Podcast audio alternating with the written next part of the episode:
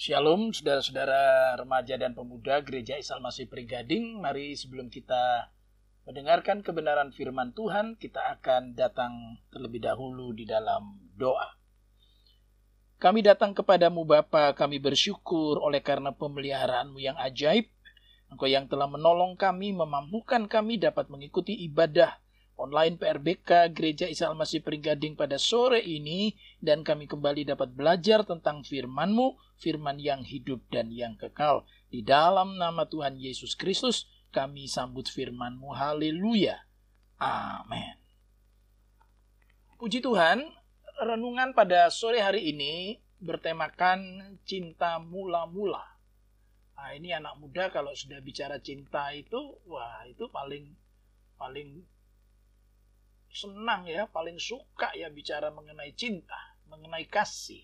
Tetapi mari kita akan lihat apa yang firman Tuhan katakan mengenai cinta mula-mula ini, the first love.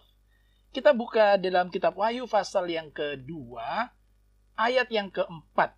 Kitab Wahyu pasal 2 ayat yang keempat yang berkata demikian, Namun demikian aku mencela engkau, karena engkau telah meninggalkan kasihmu yang semula. Wah, ini ada teguran daripada Tuhan kepada jemaat di Efesus. Ya. Jemaat di Efesus itu di satu sisi itu mendapatkan pujian ya. Di ayat-ayat sebelumnya itu oh, itu dapat pujian itu. Ya, luar biasa. Nah, tetapi walaupun ada pujian di ayat 2 itu jeripayanya hebat, pekerjaannya hebat, ketekunannya hebat, tetapi dicela oleh Tuhan. Ya, mengapa? Karena engkau katanya karena jemaat Efesus telah meninggalkan, meninggalkan. Kata mencela itu berarti di situ disebutkan juga melawan, against, melawan. Ya, artinya dari tadinya yang mestinya mengasihi Tuhan, tapi kemudian meninggalkan cinta mula-mula itu, maka statusnya berubah menjadi apa? Menjadi musuh, gitu ya yang tadinya kekasih Tuhan lalu menjadi musuh Tuhan. Ya. Dari God's lover kemudian menjadi God's enemy. Wah, ini tentu sangat tidak diharapkan terjadi dalam kehidupan Anda dan saya, ya, saudara-saudara dan saya. Mari kita lihat satu persatu mengenai cinta mula-mula ini. Yang pertama yaitu apa tuh sebenarnya ciri dari cinta mula-mula? Apa ciri daripada cinta mula-mula? Nah, ada begitu banyak ya, tetapi saya sebutkan dua hal saja. Yang pertama, orang yang sedang mengalami cinta mula-mula dengan Tuhan khususnya itu adalah orang yang setia sekalipun berada di padang gurun. Yeremia pasal 2 ayat 1 dan 2 berkata begini. Firman Tuhan datang kepadaku bunyinya, pergilah memberitahukan kepada penduduk Yerusalem dengan mengatakan, beginilah firman Tuhan, aku teringat kepada kasihmu, teringat kepada kasihmu pada masa mudamu, kepada cintamu pada waktu engkau menjadi pengantin. Nah ini first love ya. Bagaimana engkau mengikuti aku di padang gurun di negeri yang tiada tetaburannya. Wah luar biasa. Setia. Ya. Mengikut Tuhan sekalipun di padang gurun, tidak ada tetaburan, kering, gersang, ya. Wah, tapi orang yang sedang mengalami cinta mula-mula itu nggak peduli. Makanya saudara ada ungkapan dalam bahasa Inggris itu love is blind, ya. Love is blind, cinta itu buta. Wah, kalau sudah cinta, ya, ayo kita jalan-jalan yuk. Kalau di Semarang itu mari kita jalan-jalan yuk, jalan-jalan simpang lima yuk.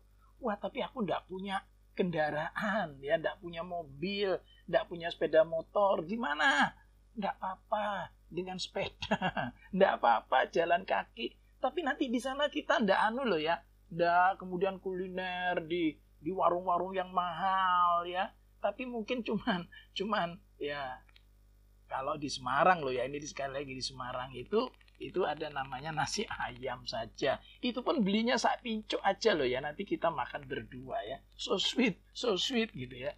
Jadi saudara-saudara, cinta mula-mula itu tidak melihat hal-hal yang seperti itu. Mau di padang gurun tidak ada tetaburannya, tidak ada apa-apanya. Mengapa? Karena pribadi antar pribadi ya itu sudah merasa cukup kehadiranmu itu sudah membuat aku puas gitu ya nah coba saudara-saudara kita terapkan ini dengan Tuhan ya cinta mula-mula ketika pertama kali saudara mengenal Yesus Kristus sebagai Tuhan juru selamat menerimanya dan saudara sungguh merasa bersyukur karena ketika saudara percaya saudara diselamatkan ya menjadi anggota keluarga Allah menjadi anak-anak Allah menjadi kekasih Allah yang menjadi mempelai perempuan Kristus yang satu kali kelak nanti akan bersanding dengan Tuhan dalam kekekalan ya secara rohani. Nah, waktu itu saudara-saudara ya mau lagunya itu lagu sederhana, mau alat musiknya itu cuman mungkin gitar, ya, mau suasana lingkungan tempat ibadahnya itu tidak ada AC, ya, mungkin cuma ada kipas angin, bahkan mungkin kipas angin pun tidak ada,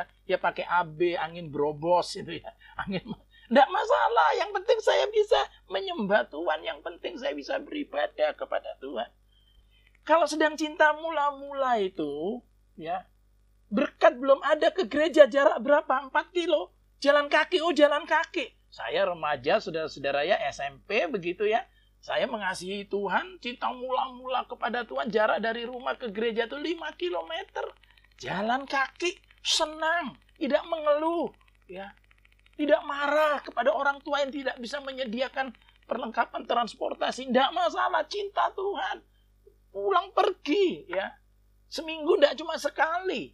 Hampir tiap pagi ya saya ke gereja 5 kilo. Doa pagi di gereja loh jarak 5 kilo. Ya. Pulang pergi berarti 10 kilo itu ya. Tidak masalah. Senang, sukacita itu cinta mula-mula. Nah, bagaimana saudara-saudara sekarang? ketika sudah cukup lama mengikut Tuhan, mulai ada komplain-komplain ya.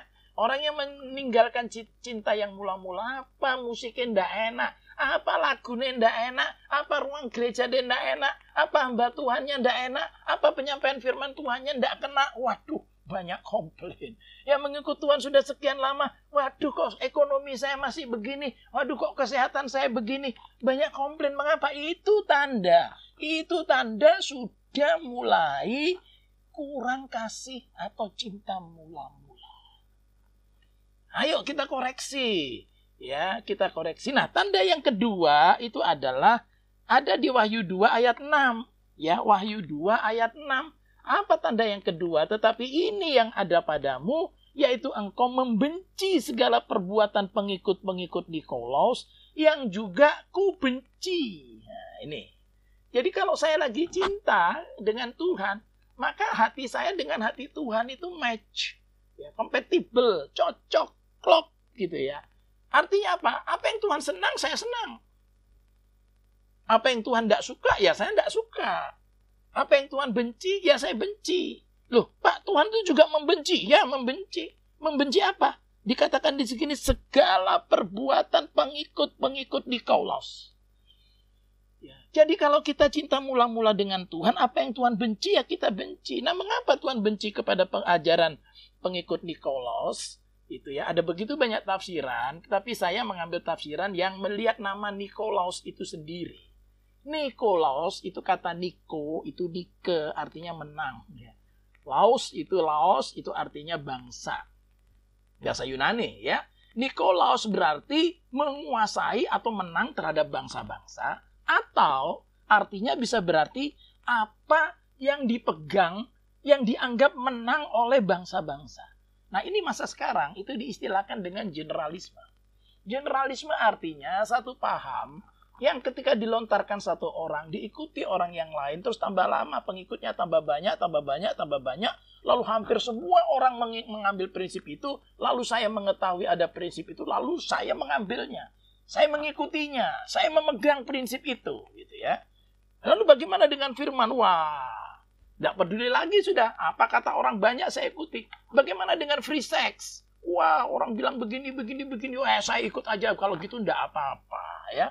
Nah, bagaimana dengan dosa-dosa pornografi? Ya, tidak apa-apa, itu wajar. Wah, banyak orang mengatakan begitu. Ya, saya ikut saja. Bagaimana dengan perselingkuhan, pen, uh, apa namanya itu persinan dia wah tidak apa-apa tidak apa-apa tidak apa-apa lalu lalu ikut saja jadi yang tadinya itu keliru tapi karena banyak orang bilang itu tidak apa-apa ah, lalu diikuti diikuti ya hati-hati itu disebut dengan Nikolaus Ya ajaran yang dipegang oleh banyak orang, generalisme.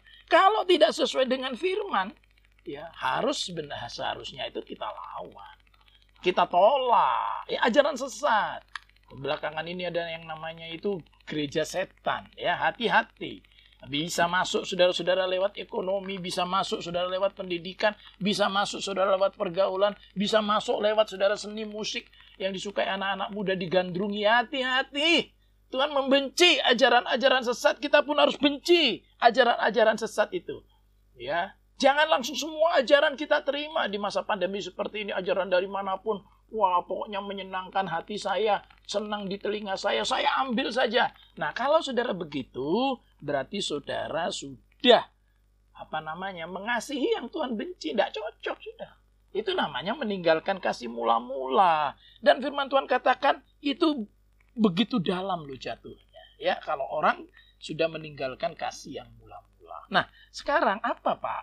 Penyebab hilangnya cinta mula-mula. Mengapa orang bisa kehilangan kasih yang mula-mula? Apa yang menjadi penyebab orang meninggalkan cinta mula-mula? Ya, saya akan sampaikan ini beberapa penyebab orang meninggalkan cinta mula-mula atau hilangnya cinta mula-mula.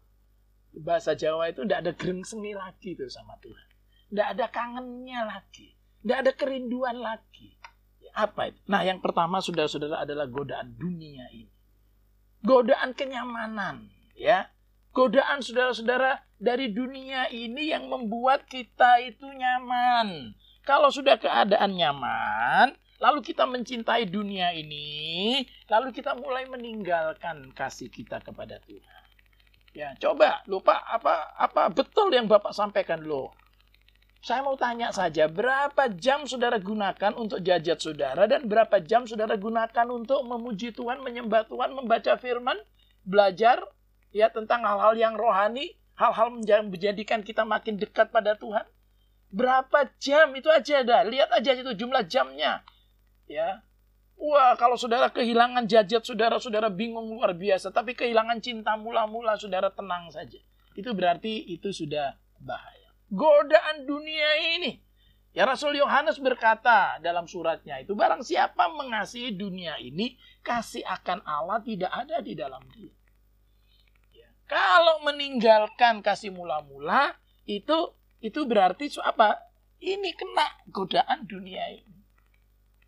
Kata dunia sudah-sudah bukan bumi planet bumi di mana kita tinggal, bukan. Bukan berarti kita tidak boleh kerja, kita tidak boleh bergaul, kita tidak boleh berteman, kita tidak boleh belajar. Bukan. Tapi ada kesengsemnya, terpesonanya dengan kenyamanan-kenyamanan dunia ini sehingga waktu untuk bersekutu dengan Tuhan, beribadah dengan Tuhan, dilewatkan begitu saja. Ya hati-hati, hati-hati ya. Nah, yang kedua saudara-saudara adalah rutinitas.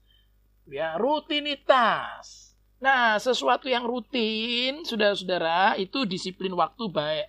Tapi hati-hati kalau sudah menjadi rutinitas, lalu tidak ada penjiwaan. Ya ikut Tuhan, ya ikut Tuhan lah. Ya nyanyi, ya nyanyi lah. Ya main musik, ya main musik lah. Ya melayani multimedia ya melayanilah. Melayani di bidang musik ya layanilah. Tapi tidak dari hati yang sungguh-sungguh mengasihi Tuhan. Tapi sekedar karena ini jadwal. Ya sekedar karena ini tugas dari pimpinan. Ya sudah melakukan pekerjaan di tempat pekerjaan saudara. Bila saudara belajar juga studi, jangan menjadikan cuma rutinitas. Saudara belajar itu sebagai satu apa? Persembahan kepada Tuhan, mau memberi yang terbaik. Ya, baru-baru ini saudara kita bersyukur ya ada dua anak ya tidak bukan anak muda sih sebenarnya yang satu usia 23 dan yang satu 34 ya. Ya, dua-duanya saudara-saudara putra bangsa ya. Dua-duanya adalah pahlawan bangsa boleh saya sebut yang mempersembahkan medali emas ya bulu tangkis di Olimpiade Tokyo 2020 ini. Nah, salah satunya yang memberikan kesaksian sudah sekian tahun yang lalu ya saya tadi dengar kesaksiannya itu apa? Wah saya tadinya itu saya e, dilecehkan, tadinya saya itu sudah mau menyerah, tapi kemudian saya dikuatkan. Saya ikut satu komsel ya di gerejanya di Jakarta. Dia ikut satu komsel.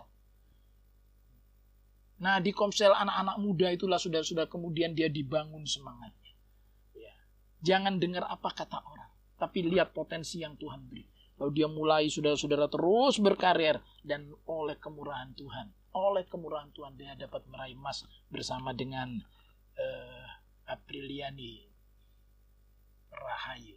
Nah, saudara-saudara, ini sudah uh, Ibu Grecia ini sudah ibu ya karena dia sudah bersuami. Itu itu luar biasa. Ya.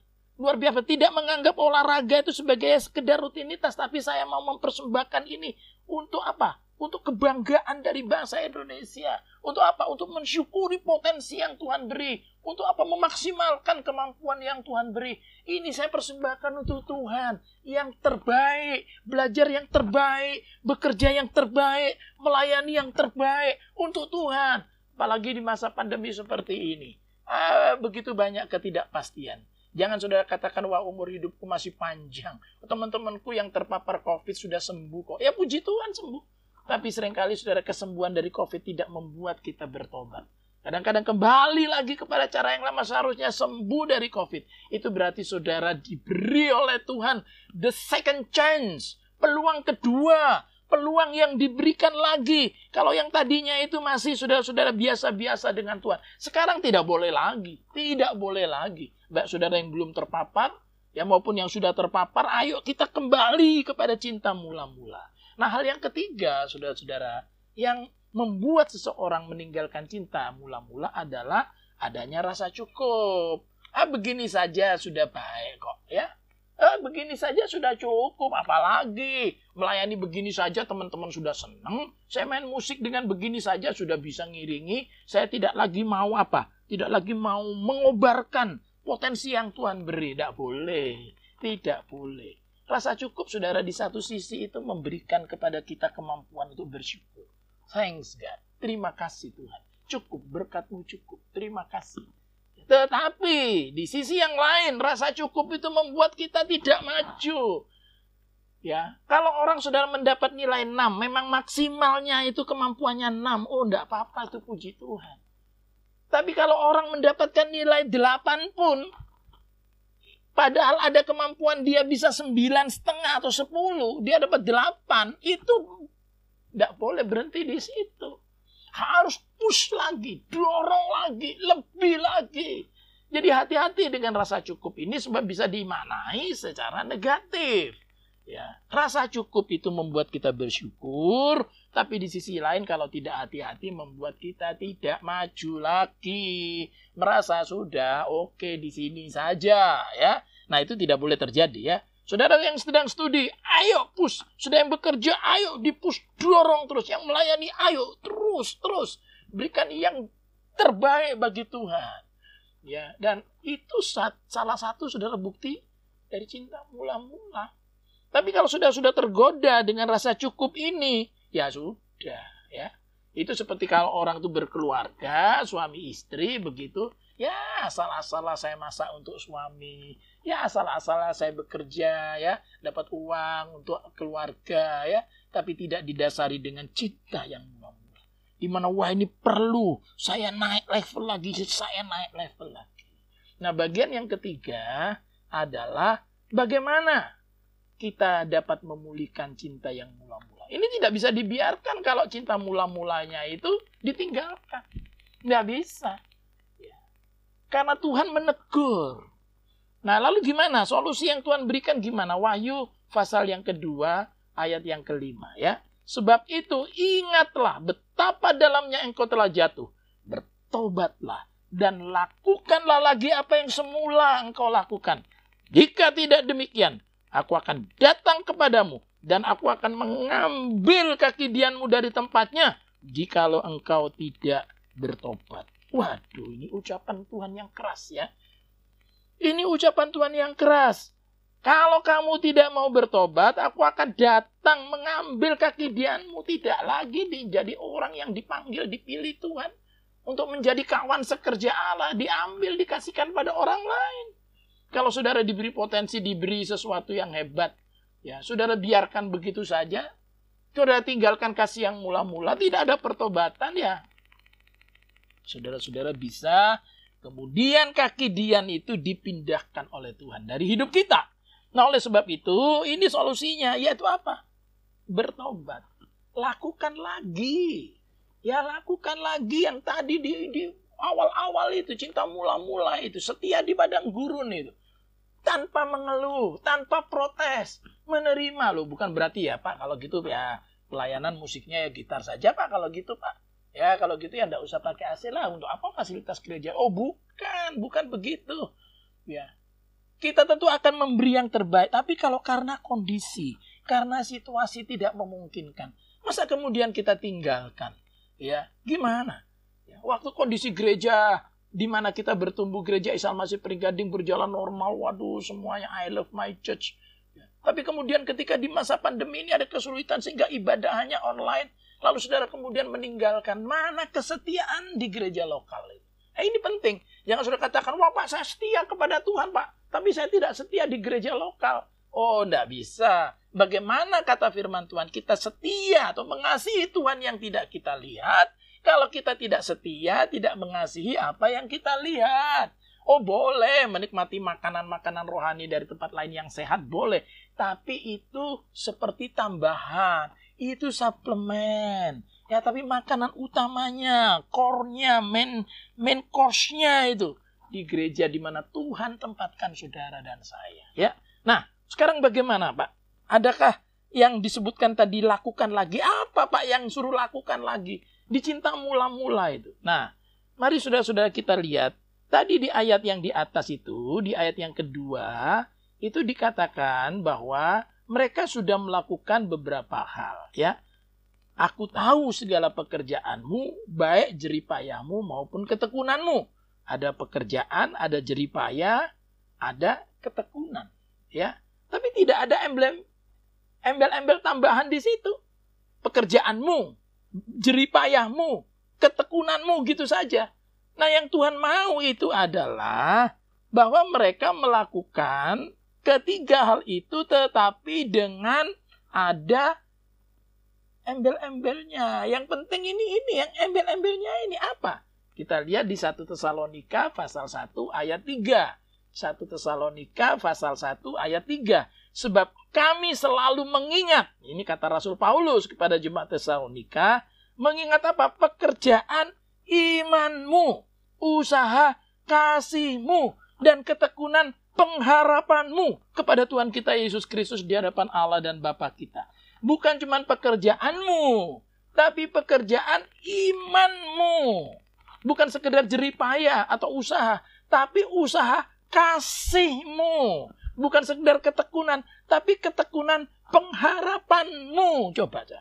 Ada tiga unsur di situ. Iman, kasih, pengharapan. Ya.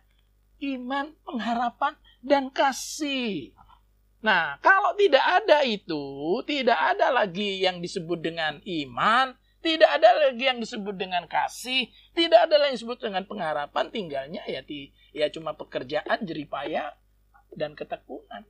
Tidak ada apa-apanya. Mungkin di hadapan manusia dipuji, di hadapan manusia sudah dapat two thumbs up ya, wah dipuji dengan dua jempol hebat kamu, hebat kamu. Tapi tampilan luar di dalam kamu lakukan tanpa kasih.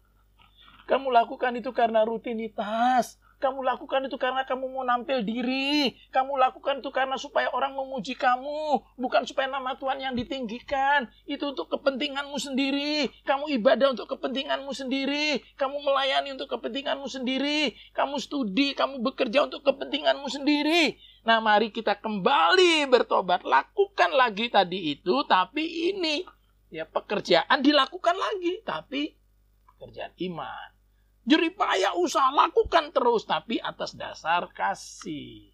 Ketekunan lakukan terus tapi atas dasar pengharapan. Dan saya percaya ya ketika saudara-saudara kita melakukan ini kembali ke Wahyu pasal yang kedua tadi, wah apa yang kemudian Tuhan katakan?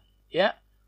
Ayat yang ketujuh bagian B. Barang siapa menang, dia akan kuberi makan dari pohon kehidupan yang ada di Taman Firdaus Barang siapa menang, itu artinya barang siapa yang mau betul-betul bertobat. Melakukan lagi cinta yang mula-mula itu. Akan kuberi makan. Bukan saudara-saudara kemudian dipindahkan kaki diannya. Tapi diberi makan dari pohon kehidupan yang ada di Taman Firdaus Allah. Yang dulu itu sebenarnya disediakan kepada manusia yang mula-mula. Tapi sekarang disediakan oleh Tuhan bagi saudara dan saya. Nah, ini penting sekali untuk apa? Ayo kita selalu mengadakan yang disebut dengan spiritual check up. Ya, spiritual check up tadi itu. Apakah saya masih memiliki cinta yang mula-mula? Apa cirinya? Cirinya tadi apakah saya tetap setia kepada Tuhan dalam situasi kondisi apa pun? Melalui apa kesetiaan saya beribadah di gereja lokal, di PRBK Gereja Pringgading, walaupun secara online, hadir di komsel-komsel. Dan yang kedua, apakah saya memang membenci yang Tuhan benci? Atau sekedar karena keuangan, hanya karena materi, hanya karena ekonomi. Saya ikut itulah MLM itulah itulah. Ya mau nanti ajarannya gereja setan atau apa-apa saya tidak pedulilah bertentangan dengan firman Tuhan saya tidak pedulilah apakah itu kemudian kata orang banyak? Ya saya lebih ambil itu orang banyak daripada saya mengikuti firman Tuhan Ngikuti kata orang banyak bisa banyak teman. Ngikuti kata orang banyak saya tidak dianggap jadul. Tapi kalau ngikuti firman Tuhan saya dianggap kuno. Ngikuti firman Tuhan saya dianggap ketinggalan zaman. Ya lebih baik saya ikuti apa kata orang banyak lah. Ajaran Nikolaus lah. Apa pun ajarannya. Waduh jangan ya. Benci apa yang Tuhan benci. Dan kalau saudara ada di posisi meninggalkan kasih mula-mula. Bertobat. Bertobat. Betul-betul bertobat ya kembali kita lakukan pekerjaan tapi pekerjaan iman usaha kasih ketekunan pengharapan. Biar kiranya Tuhan memberkati saudara-saudara sekalian. Mari kita berdoa. Yang kami rindukan dari firman-Mu ya Tuhan bukan hanya penghiburan kekuatan tetapi juga teguran. Karena Engkau Bapak yang baik yang ketika menegur kami pada sore hari ini karena Engkau mengasihi kami. Karena Engkau tidak ingin kami terhilang karena engkau tidak ingin kami jatuh. Sebab orang yang meninggalkan cinta yang mula-mula adalah orang yang dikatakan firmanmu jatuh begitu dalam jatuh begitu dalam. Kami mau Tuhan sekarang pegang tangan kami, angkat kami supaya kami tidak tergeletak. Kalau ada di antara kami yang telah jatuh, yang telah meninggalkan kasih mula-mula, yang telah Tuhan mengelayani, belajar, bekerja hanya karena rutinitas, tidak ada penjiwaan, tidak ada lagi iman, tidak ada lagi pengharapan, tidak ada lagi kasih. Sekarang juga pulihkan Tuhan. Kami mau kembali kepadamu. Kami mau Tuhan kembali melakukan semuanya itu dengan iman pengharapan dan kasih supaya kaki dian kami tidak dipindahkan pada orang lain supaya kami tetap dipakai oleh Tuhan. Oh sampai Tuhan panggil kami. Dan supaya kami tetap menjadi alatmu ya Tuhan menjadi berkat untuk anak-anak muda di kota kami di mana pun kami berada. Terima kasih Bapak. Terima kasih. Biarlah kasihmu yang telah kami alami. Kasih jual juta. Memberikan kepada kami motivasi untuk kami juga lebih mengasihi Engkau dibandingkan waktu-waktu yang lalu. Jika ada di antara kami yang telah pernah terpapar COVID dan kami sembuh, biar kami tahu ini kesempatan kedua yang Tuhan berikan supaya kami lebih sungguh-sungguh di waktu dibandingkan waktu yang lalu. Karena Engkau memberi kami kesempatan lagi. Terima kasih Bapak, terima kasih. Berkati baik pengurus RBK, PBK, Gereja Islam Masih Pringgading sampai kepada seluruh anggota yang sedang studi Tuhan berkati, yang sudah bekerja Tuhan berkati, yang sedang mencari pasangan teman hidup Tuhan kiranya memberikan yang terbaik dan yang sedang jalan hubungan untuk masuk pernikahan biarlah kiranya engkau menjaga mereka di dalam kekudusan karena orang yang kudus, orang yang sucilah yang dapat memandang Allah. Terima kasih di dalam nama Tuhan Yesus Kristus kami berdoa. Haleluya. Amin. Tuhan memberkati saudara-saudara sekalian.